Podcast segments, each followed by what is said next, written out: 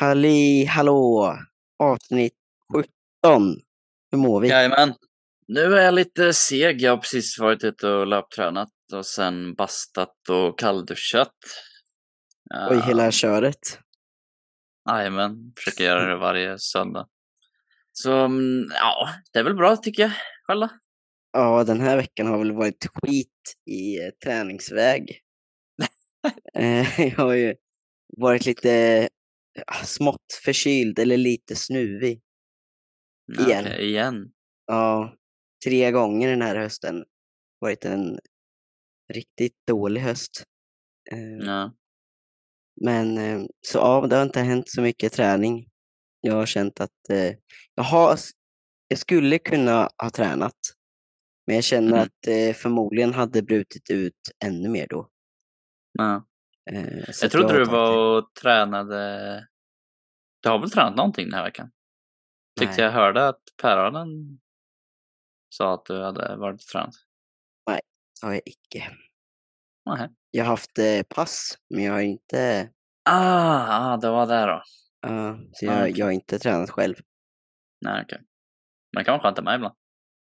Ja, jo, men eh, det blir så här, jag kommer ju ännu längre efter nu. Så här, det som jag har snackat om hela hösten, att jag har lite ångest eller panik över att jag ligger efter hela tiden i ja. liksom, utvecklingen för maratonet. Liksom. ja, men det är ju massor med tid kvar. Ja, jo, om man som människa så, men om man ser att jag ska göra en del förändringar kroppsmässigt och uthållighetsmässigt så är det, det är inte jättemycket tid. Ehm, Jo, men det är ganska... Alltså om man, se, om man ser ett kalenderår så är det visst, det är mycket, men inte jättemycket ur ett Jo, visst, fysiologiperspektiv. dagarna går ju, det gör de. Men eh, ja, det gör ju det tyvärr.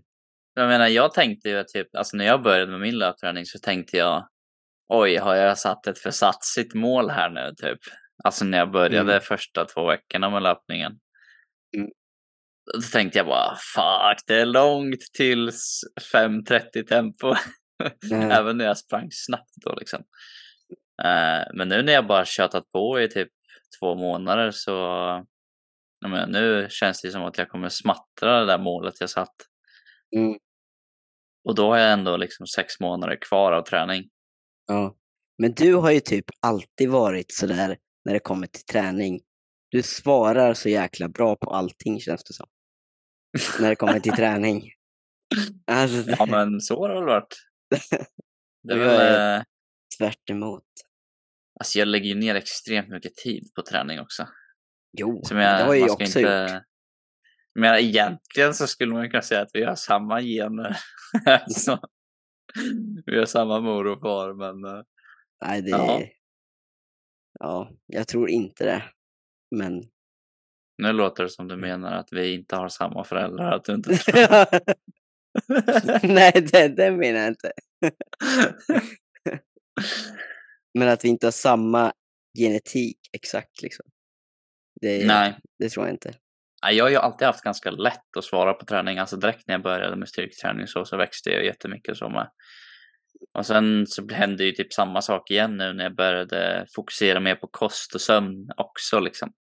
Då fick jag ju också liksom en bump i hur snabbt jag progressade. Och löpningen har ju också gått skitsnabbt nu. Från att ett 7.30 tempo var zon 2 till att ett 5.40 tempo är zon 2 liksom. Eh, så det har gått jävligt snabbt. Springer du 5.40 på zon 2? Ja. Och på tal om zoner då. Så kan vi förklara det här från förra avsnittet. Det var lite, ja, lite dåligt av oss att inte förklara de olika zonerna. Eh, men det är ju zon 1 till zon 5. Och då pratar man mellan 50 och 100 procent av maxpuls. Så zon 1 är 50 till 60 procent av maxpuls. Zon 2 är 60 till 70 procent. Zon 3 är 70 till 80. Zon 4 80 till 90. Och zon 5 90 till 100. Så det är liksom hur hög stavar. Mm. Eh, Jag fick också, när jag var och basta i fredags, måste det varit, så var jag och basta och då var det några andra grabbar som jag brukar träffa i bastun. Eh, men som jag aldrig träffar annars, men de gymmar på samma gym. Eh, och då pratade vi lite och då frågade de bara, men hur fan, hur kommer man igång med löpning liksom? Eh, och då började jag ju snacka om zoner och så insåg jag att jag måste ju, jag måste ju förklara Mm. också. ja, Så man kan också förklara zonerna utifrån alltså intensitet. Så visst, om du har en pulsklocka så kommer du kunna följa de här zonerna som vi pratar om eh, ganska väl för att du har en kontinuerlig koll på vad du har för puls och då Mm. ser man i pulsklockor vilken typ av zon du ligger i. Men är det så att man inte har en klocka, vilket man absolut inte behöver för att börja med löpträning, så är ett zon 2 tempo ungefär att du kan andas genom näsan eller hålla en aktiv eh, konversation med någon annan medan du springer. Så när vi säger att vi har sprungit ett långdistanspass zon 2, då är det alltså lågintensivt. Det är alltså att vi kan hålla en konversation hela tiden. Det är liksom inte flås och flämt hela, eller egentligen någon gång under träningspasset. nej, precis. Och det finns ju, om man vill utgå från eh, alltså så här, intensitet eller hur ansträngande det är, så kan man kolla upp orgskalan och utgå från, utgå från den. Så då en zon 2 skulle, eh, är liksom eh, 9 eller 10, kan vara 11 också, eh, på eh, Borgskalan. Så att man kan Mm. använda sig av den istället för att använda sig av eh, puls. Ja, just det. Ja, det är ganska smidigt. Jag vet att när jag körde spinning när jag var, gick i gymnasiet, då hade de Ja. Borgskalan. Ja, men den är ju, den är ju liksom, den är utgjord efter, eller den är gjord efter kondition. Ja, Sen har man ju gjort den här Borgskalan och satt den i styrketräning, fast då har man satt 1 till 10 istället. Mm.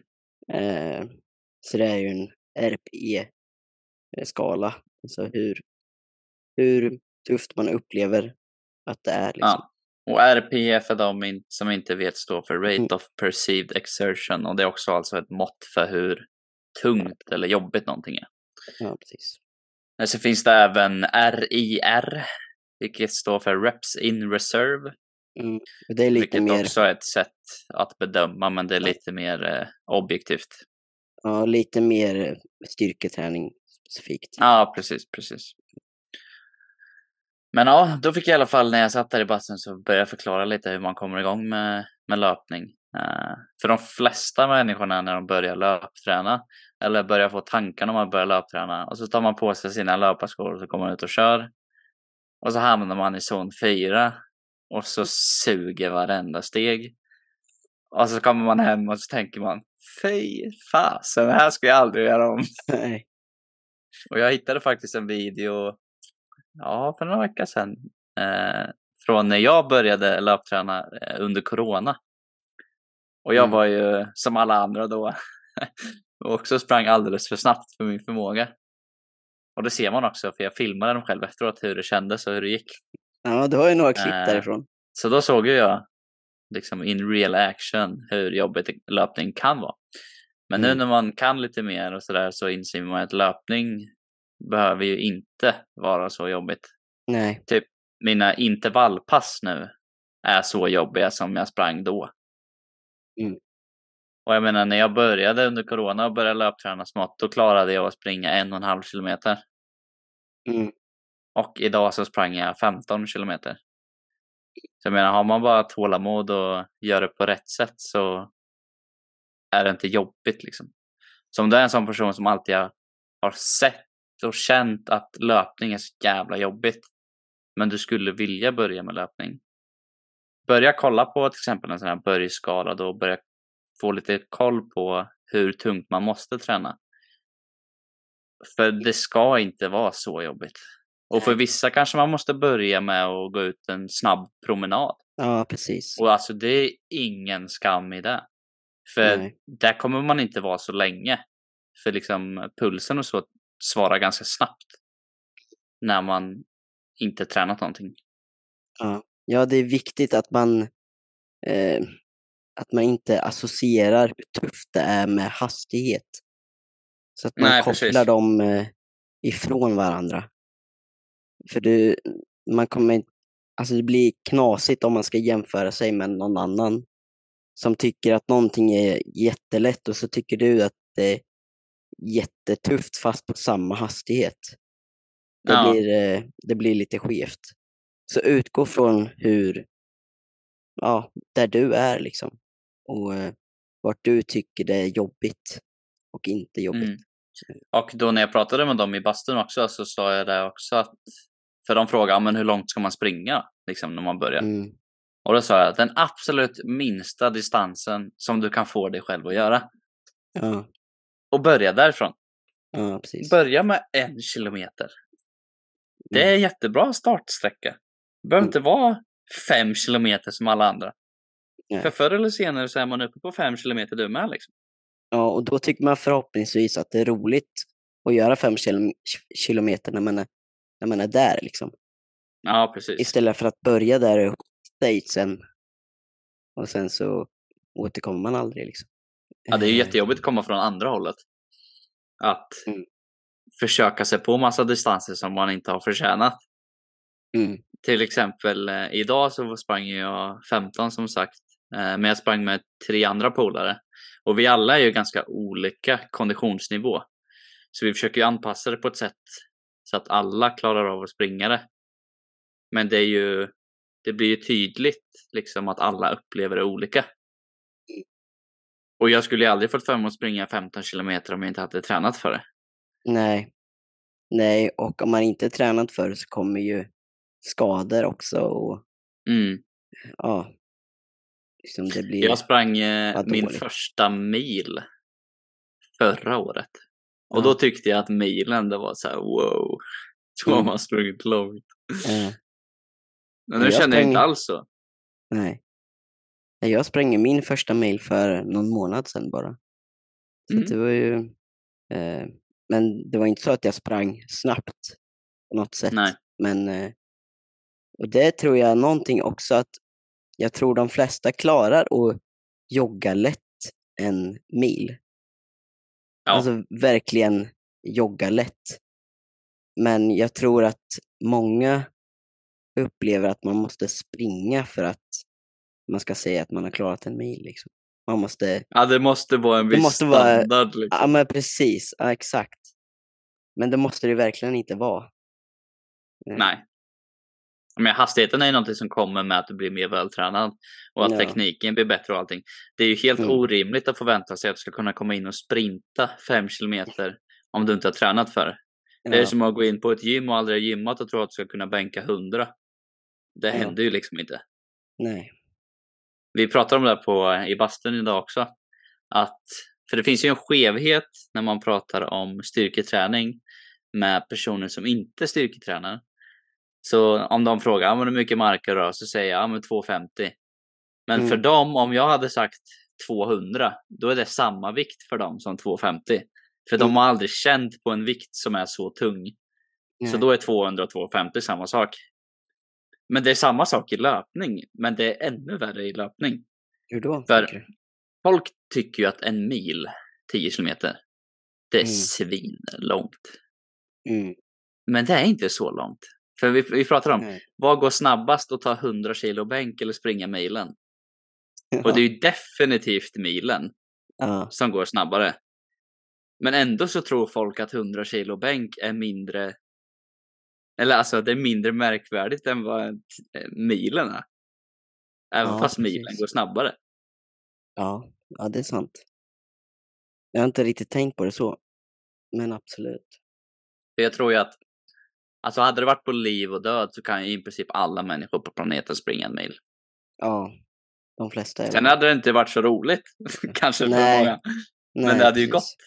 Ja, absolut. Ja. Men om två helger så ska vi springa från eh, Norrköping till Söderköping. Mhm. Hoppas att det inte är halka och eh, eh, snö och is liksom. Det löser vi då. Det är en del av resan. Det är kul att kunna säga att man har ju sprungit den sträckan. Jo, så är det ju. Jag tänkte mer på att eh, inte halka och slå ihjäl sig. Mer än att Ja, man får ju ha dumskor. vädret i sig. Det finns ju sådana eh, som man kan sätta typ runt skon. Ja, precis. Som gör att man får Har- lite fäste. Har du testat att springa i sådana? Nej, men jag vet att jag köpte det till pappa för några år sedan. Mm. Har du testat? Nej, jag har ingen aning hur, hur det känns att springa i dem. Känns ju som att det borde vara typ samma sak. Ja, Men jag tänker att jag, jag vill försöka hålla mig ute. Jag menar, det är fortfarande... Det är ju ganska varmt ute nu. Det är nio grader liksom. Mm. Så det är ju lika varmt som det var för två månader sedan typ. Så det har inte ändrat så mycket i temperatur. jag håller mig inne ändå.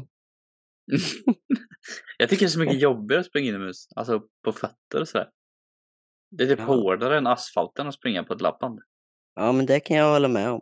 Att det är lite, lite mindre dämpning liksom.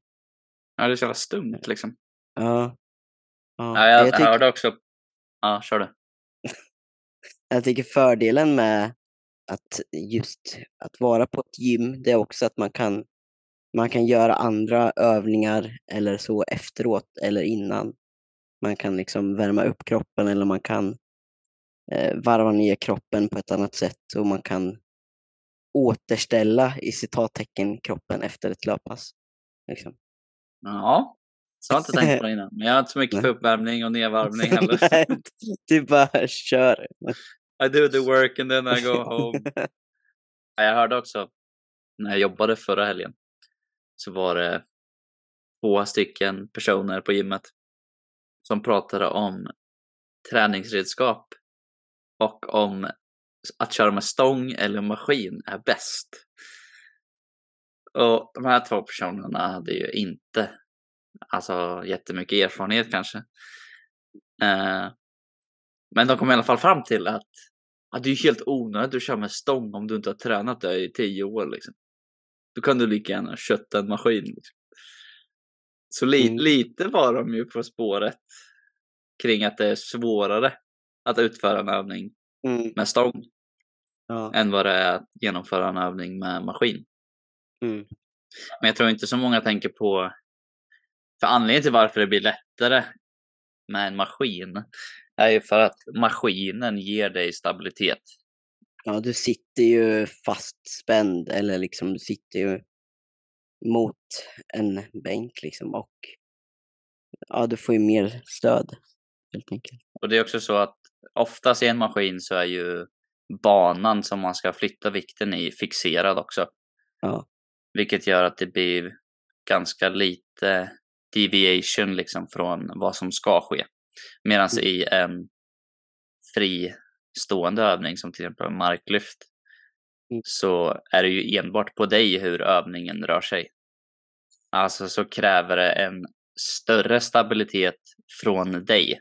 Så det krävs lika mycket stabilitet på en maskin och en stång.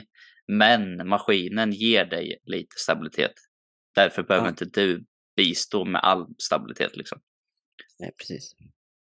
Och speciellt så märker ju folk att det kan vara jobbigt med en mark eller så för att de flesta är inte så duktiga på stabilitet. Nej. De, de har liksom inte en känsla av hur blir jag solid? Nej. Nej, för det är ju liksom, det är, ju, det är vi ju aldrig i vardagen heller. Så det Nej. kan vara svårt att eh, få fram den där solida känslan. Eller liksom den här, det båltrycket som man ofta pratar om. Att det ska Mm. komma spänning i, genom och runt hela bålen. Eh, för att skapa en stabil, stabil grund för att lyfta tungt. Mm. Eh, Men också så här med, med stång eller stänger och eh, fria vikter. Det är att man måste lära sig att koordinera kroppen. Man måste lära sig vart man har alla lemmar och Mm. vart man är i rymden. Och för vissa, om, man, om det är så att man spelar en, eller kör en idrott eller eh, om man kör någon sport, så kan det vara väldigt eh, nyttigt att ta eller köra med mycket stänger och fria vikter. Just för att den här koordinationsbiten. Men sen komplettera med maskiner. Mm. Och tvärtom, om man inte eh, liksom spelar någon sport eller har någon större ambition med just idrott eller så, att man vill eh, kanske, om man har andra ambitioner helt enkelt, så kan man ju flippa på dem.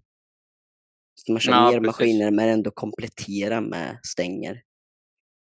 Mm, då är det lite den, alltså det är det man kommer fram till om man funderar lite mer på det här är ju att det är ju inte den ena eller den andra, utan det är ju alltid någon typ av symbios mellan de här två elementen. Ja, ja. Och det är egentligen den mixen som är det viktigaste. För de här två grabbarna på gymmet, de kom ju också fram till ja, men du kan ju bygga mycket mer muskler om du kör bara maskiner. Och ja, det finns väl en viss sanning i det för att om det är mer stabilitet så kommer du kunna pressa mer, komma närmare fail och därför få mer stimulans. Så det finns en viss poäng med det.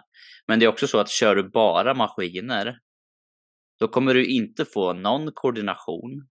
Du kommer Nej. inte få någon synk i kroppen från till exempel eh, bröst och rygg. Liksom samspelet mellan framsida och baksida kroppen blir ju bristande. Så då kommer man alltså bli en person som har jättestora muskler men som är helt, Dysfunktionell liksom. Helt inkapabel till att röra sig i världen utanför gymmet. Så man är Ja. jättestark i gymmet men så fort man är utanför sin miljö så kommer det vara jättetufft och man kommer se jättestel ut när det går upp för en trappa Ja. eller liksom sådana grejer. Ja, precis. Om man bara håller sig till maskiner så missar man ju ganska mycket rörelser. Visst, du kan få med press och rodd och allt sånt där, men du, du missar ju som du säger att, att interagera både framsida och baksida när du gör en övning. Och Mm. liksom stå emot med den andra sidan när du pressar eller ror. eh, Liksom. Mm. Mm. Jag menar om man pratar om att liksom i ett skadeförebyggande syfte, vilket ganska många av mina klienter vill jobba mot. Liksom. De vill ha Mm. en träning som gör att de inte skadar sig i vardagen. Ja, precis.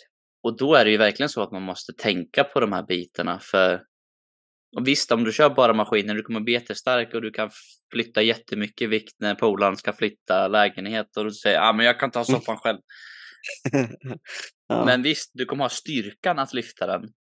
Men du kommer inte ha stabiliteten i, i kroppen för att matcha belastningen. Nej. Om du bara har kört massa maskiner. Så man vill ju inte bara bli stark i gymmet. Och det är ju någonting som jag också har kommit fram till. Jag körde ju dock mycket med stänger och så, men jag körde ganska specificerat på styrkelyft. Så jag blev ju väldigt duktig på bänkpress och marklyft och ja, lite grann i böj då. Ja. Men, men då inser man ju att jag blir ju bara duktig på det. För det var typ bara det jag gjorde. Och visst, det finns väl en vinst i att liksom satsa på någonting om man tycker det är kul. Men jag vill ju också i min ambition kunna göra andra saker. Mm. Som att löpträna eller kunna spela basket eller sådana saker. Och då kan man inte vara superfixerad på en grej liksom. Nej. Så då är det bra att hitta någon typ av blandning mellan, mellan flera olika element så man inte bara hyperfokuserar på en sak. Ja, precis. Ja, det kan jag känna igen mig i just när det kommer till träning för golfare också. Att det ska vara så specifikt för golfen att det du gör i gymmet ska likna en golfsving. Och det blir så här att då blir det för likt en golfsving så att du missar och du liksom överbelastar redan de rörelserna som du gör i golfsvingen Mm. istället för att komplettera med rörelser som du inte gör. För Mm. att få en bra balans och en hållbar kropp och liksom kunna svinga smärtfritt. Jag har alltid tyckt att det är så intressant när man kommer in på sport och så här och träna specificerat och Mm. så där. För när det går till en viss gräns som du nämner här, att liksom det blir så likt. Mm. Då tänker jag bara, varför inte bara gå och köra din sport istället? Ja men precis. Ja. Liksom, vad, vad är poängen om vi simulerar övningen till en sån nivå att den är identisk i princip? Varför skulle vi inte göra the real deal då? Vi vill ju att gymmet ska vara kompletterande till din sport. Vi vill ju inte att gymmet ska bli din sport. Nej. Nej om man nu är precis. en atlet då. Ja. ja, så länge du inte håller på med eh, skivstänger eh, liksom, som din idrott Mm. Så eh, men kanske inte borde ha så specifikt specifik träning. Eh, Nej.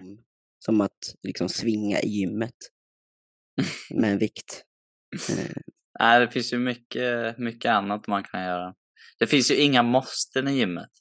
Även om du är en atlet eller inte. Alltså det finns ju aldrig någon övning du måste köra. Det nej. pratade jag också med, med en klient den här veckan. Att säga, ja men är det någon övning som bara, nej den här är inte rolig. Då kan vi hitta en annan övning. Ja, Det, är vissa, det är vissa rörelsemönster man kanske måste göra. Men det Ja, finns ju precis. alltid tusen olika övningar man kan köra för att simulera samma rörelsemönster. ja, men precis. Jag utgår från att kolla på rörelsen istället för övningen. är Mm. ju, eh, kan vara väldigt viktig. Och, eh, ja. Ja, det är också det här med, om man ska komma in på så här, vilken träningsform är bäst för mig? För lite så fick jag väl känslan när jag satt och snackade med de där grabbarna i bastun. Eh, Att alltid när jag delar med mig om vad jag gör, alltså när folk frågar, så säger jag, ja men jag styrketränar och jag löper. Och då Mm. blir alltid folk säga, ja men fasen borde jag också löpa? Eller borde jag också göra som han eller sådär. Men det beror ju helt på vad man har för mål. ja, precis. Så träningen ska ju inte bara vara en reflektion av vad andra gör. Eller vad som är populärt nu. Eller liksom sådana saker. Utan din träning ska ju se ut så som liksom speglar dina mål. Mm. Om du inte har mål att kunna springa fem kilometer under en viss tid eller inte har någon ambition att vara ute i spåret och löpträna. Ja, men då kanske inte du behöver löpträna. Nej. Och samma sak med gymmandet. Vill du inte bli jättestor, ja men då kanske du inte ska träna som en bodybuilder. Nej. Liksom, man måste ju anpassa efter hur, vad man har för mål. Och jag tror ganska många missar det. För Mm. det kan ju bara vara så att man följer med för alla sina kompisar och kör eller, eller att du känner någon typ av social stress. Att fan, alla andra tränar, då måste jag också träna. Ja, men precis. Ja, jag tror inte heller att alla reflekterar över vad de faktiskt vill, utan det blir att vad är trenden nu? Där ska jag hoppa på. Istället för att tänka, ja, som du säger, att vad, vad vill jag? Vad, vad vill jag få ut av träningen? Och Mm. vad, vad gör den för nytta i mitt liv? Och mitt Ja. framtida jag. Vad kommer mitt framtida jag ha nytta av för typ av träning? Ja, men precis. Så tänkte jag när jag började under corona.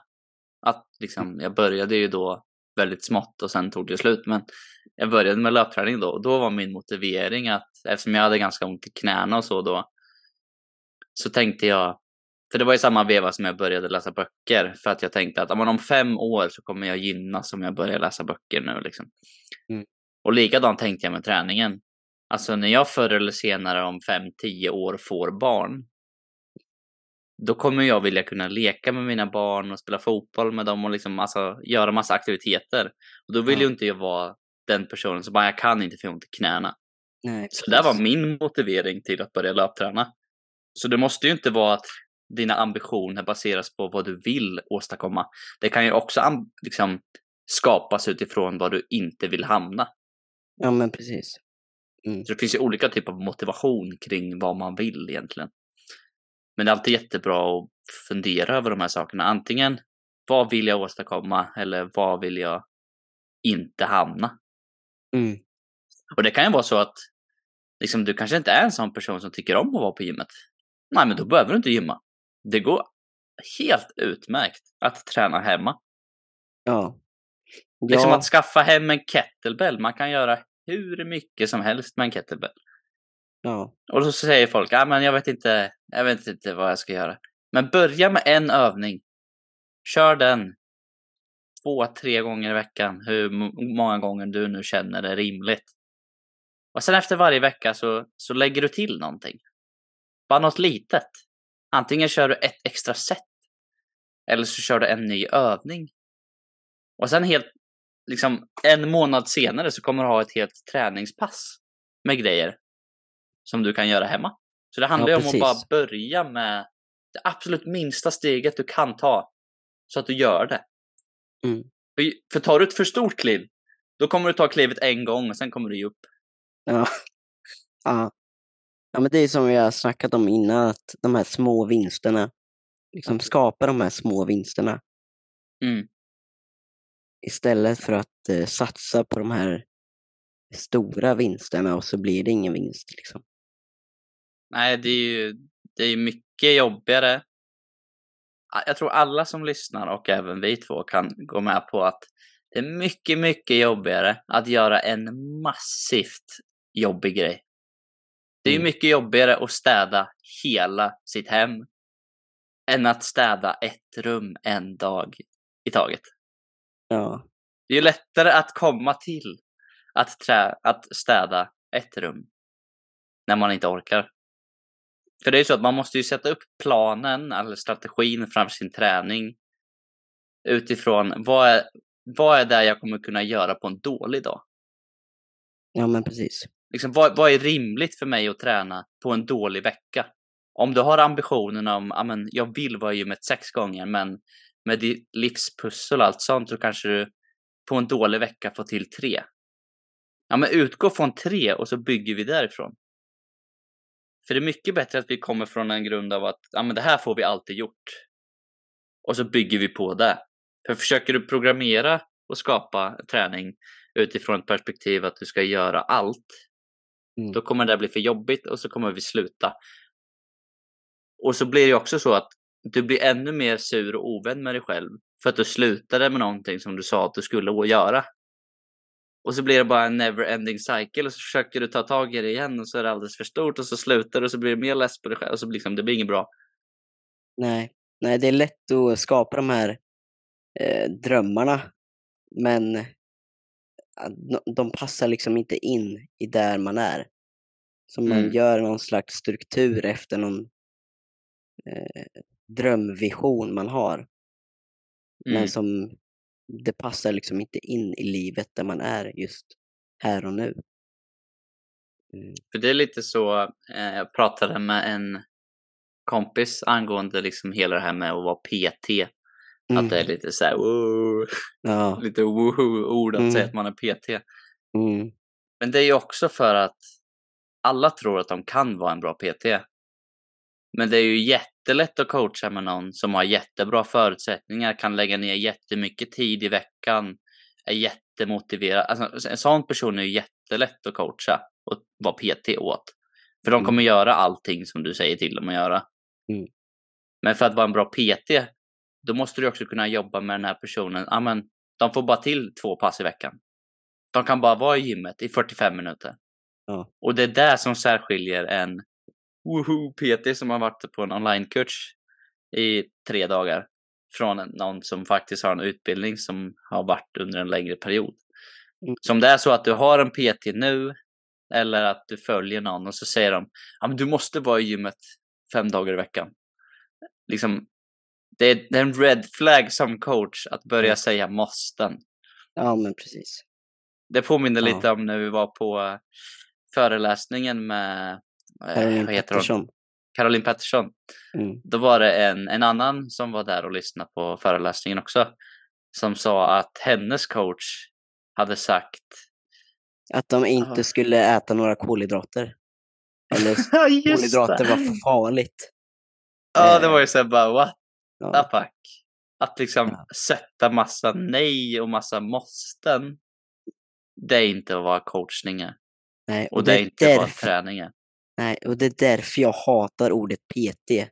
För att det är så många som skapar de här, de här måstena och att liksom det blir någon skräm, skrämselpropaganda med liksom att ha en PT typ. Det blir ja, jag vet inte, jag hatar ordet PT just för att det är så inflammerat just nu. Liksom. Det känns som att alla är PTs och det är så lätt att vara personlig tränare nu för man kan ta en onlinekurs när som helst, var som helst känns det som. Ja, man börjar på fel ställe känns det som istället för att börja med egen erfarenhet och empati och nyfikenhet. Och så Mm. börjar man gå till en onlinekurs för att man vill tjäna pengar på någon istället för att hjälpa någon. Ja, de är ju fel business alltså. Ja, precis. Men det känns som många vill bara tjäna pengar på folk istället för att hjälpa folk. Och det gör mig irriterad. Ja. ja, det gör en ju väldigt irriterad som, som själv är liksom coach eller PT eller vad man nu vill kalla det. Mm. För både du och jag har ju ambitionen liksom att hjälpa folk att uppnå deras mål. Och det är Ja, inte vi- för att vi vill tjäna pengar på någon. Alltså, alltså vi vill ju... Alltså precis som jag uppnår mina mål så vill jag hjälpa andra att också kunna göra det. Ja. Vi vet ju hur det är att vara i smärta och vi vet hur det är att inte uppnå det man vill. Och Mm. vi vet hur det är känslan när man uppnår det man vill också. Så det är Ja. den där man vill föra vidare på något sätt. Mm. Och det är också den här sköna känslan bakom att ha gjort något man har sagt att man ska klara. Mm. Alltså typ som med vårat maraton som vi båda har signat upp för nu. Att liksom lyckas klara det. Ja, precis. Men det är också så att man måste ju inte ha något så här asambitiöst som eh, jag och du har. Alltså att springa Nej, ett gud, maraton. nej. Det kanske är liksom, det är väl inte en av de vanligaste grejerna att ha som mål kanske. Eh, så även om man har mindre mål så ska man inte känna att det är för litet för att sträva emot liksom. Nej. För jag kan ju få ja, men kommentarer av vissa polare ibland, typ så här. Ja men du, du är alltid så jävla ambitiös och liksom klarar av saker du säger att du ska göra. Ja. Men det handlar ju bara om att jag är duktig på att skapa ett system som jag klarar av att göra. Mm. Ja, Liksom det handlar inte det- om att jag klarar av att göra mer än andra. Det handlar bara om att jag hittar min nivå. Hur mycket klarar jag av att göra på en dålig dag eller dålig vecka? Mm. Och så bygger jag därifrån. Ja. Och jag har gjort det nu i liksom fem år. Det är klart man har kommit en bit då liksom. För folk tror att det handlar om att göra de här stora kliven. Men det handlar inte om att göra de här stora kliven. Det handlar om att göra små, små, små förbättringar vecka till vecka. Och sen när du kollar tillbaks ett år bak, då inser du jädrar vad progress jag har gjort. Ja, precis. För liksom small efforts, they multiply liksom. Det är lite samma sak som med pengar. Alltså om man ska börja prata aktier och sånt så pratar man ju också om att det handlar inte om att du ska investera jättemycket summa pengar en gång, utan det är liksom lite konsekventa pengar, men ofta. Det är det som du kommer börja tjäna pengar på förr eller senare. Det är liksom vanan man tjänar på. Och jag pratade lite samma sak med en, eh, med en kompis som spelar basket. Att hur, hur vinner man matcher? För Mm. liksom alla vill ju vinna. Men nu kommer det sig att vissa vinner och vissa förlorar. Och det är för att antingen har man gjort arbete eller, arbetet innan eller så har man inte gjort arbetet innan. Och den som har förberett sig bäst, det är den som kommer vinna. Och hur man uppnår att vara förberedd, det är ju att du har ett system och en plan för att göra saker på den nivån som du klarar av att göra. Ja. För det spelar ingen roll hur bra din plan är om du inte gör den. Nej. Och det är det jag försökte säga lite förut, det här med att det är jättelätt att vara PT med någon som gör allting du säger åt den att göra. Men det är ju när man har den här, ja men jag har bara två, två gånger i veckan kan jag träna och jag har 45 minuter per gång. Mm. En sån person kan fortfarande göra otroligt mycket progress på en månad, men också på ett helt år. Man tror liksom att det måste vara det här att ah, du måste träna nio gånger i veckan, annars kommer det inte hända något. Mm. Men det stämmer inte. Nej. Nej, det kommer ju absolut hända saker liksom. Sen beror det på vad man har för ambition och vad Mm. man har för mål. Om du, har, om du bara kan träna två gånger i veckan, och du har ett jättestort mål som kräver att du ska träna sju gånger i veckan. Det är klart att den, de dagarna inte kanske kommer uppfylla det här målet som du vill. Mm. Men det, kommer inte, det säger ju inte att du inte kommer göra framsteg. Jag tror du, också att så många är rädda för att misslyckas. Ja, Alltså man är rädd för att ja, om jag siktar högt och jag inte kommer fram, då är jag en loser liksom. ja, Men, men så tycker inte jag alls om att se på saker och ting. nej. För jag tänker att ja, men siktar du mot stjärnorna, ja men då kanske du missar, men vi kommer i alla fall till månen liksom. ja du har ju Så fått vi har med det. fortfarande, vi har ju fortfarande gjort med- progress liksom. Ja, men precis. Och du har ju fått med dig så mycket på den resan du har gjort. Även om Mm. du inte kommit dit du siktar från början. Så då är det bara att ta nästa steg från månen till stjärnorna. Mm. Liksom, Ja, så du, du har ju inte fallit tillbaka till jorden. Liksom. Nej. Så att eh, ja, se, se det som en resa liksom, och plocka med dig så mycket du kan eh, Mm. på vägen. Och sen så kommer du inte falla tillbaka direkt. Eh, om du inte väljer att göra det såklart. Mm. Ja, men det var våran lilla rant om eh, Ja. att vara PT, eller så kallad coach. Mm. Men i slutet av dagen, hitta en nivå du klarar av att göra Mm. och så bygger man därifrån. Finns ju någon så här famous quote. The man who loves running, walking will go further than the guy who runs eller något. Perfekt engelska. Men ni förstår vad jag menar. ja, skitbra. Och det var Men, dagens eh, avsnitt då kanske. Ja, vi säger så. Och ehm, tack till alla som lyssnar fortfarande och eh, uppskattar om ni eh, vill ge oss lite feedback på avsnitten eller komma med eh, lite tips på vad vi kan prata om och eh, ja, bara lite allt möjligt ni har att säga till oss. Jajamän. På eh, Träning med Fröjd finns vi på Instagram och eh, Tjofflift heter du på Instagram. Jajamän. Och eh, Andre Freud med H i slutet heter jag. Så det är bara att Om höra inte av sig. så hoppas vi att ni har en suverän träningsvecka där ni gör Mm. små framsteg som ni kan Mm. bibehålla. Ja, precis. Preach. Preach. Tack för oss för denna gång och tack för alla som lyssnar. Ha det fint. Hej. Vi hörs nästa vecka. Hej!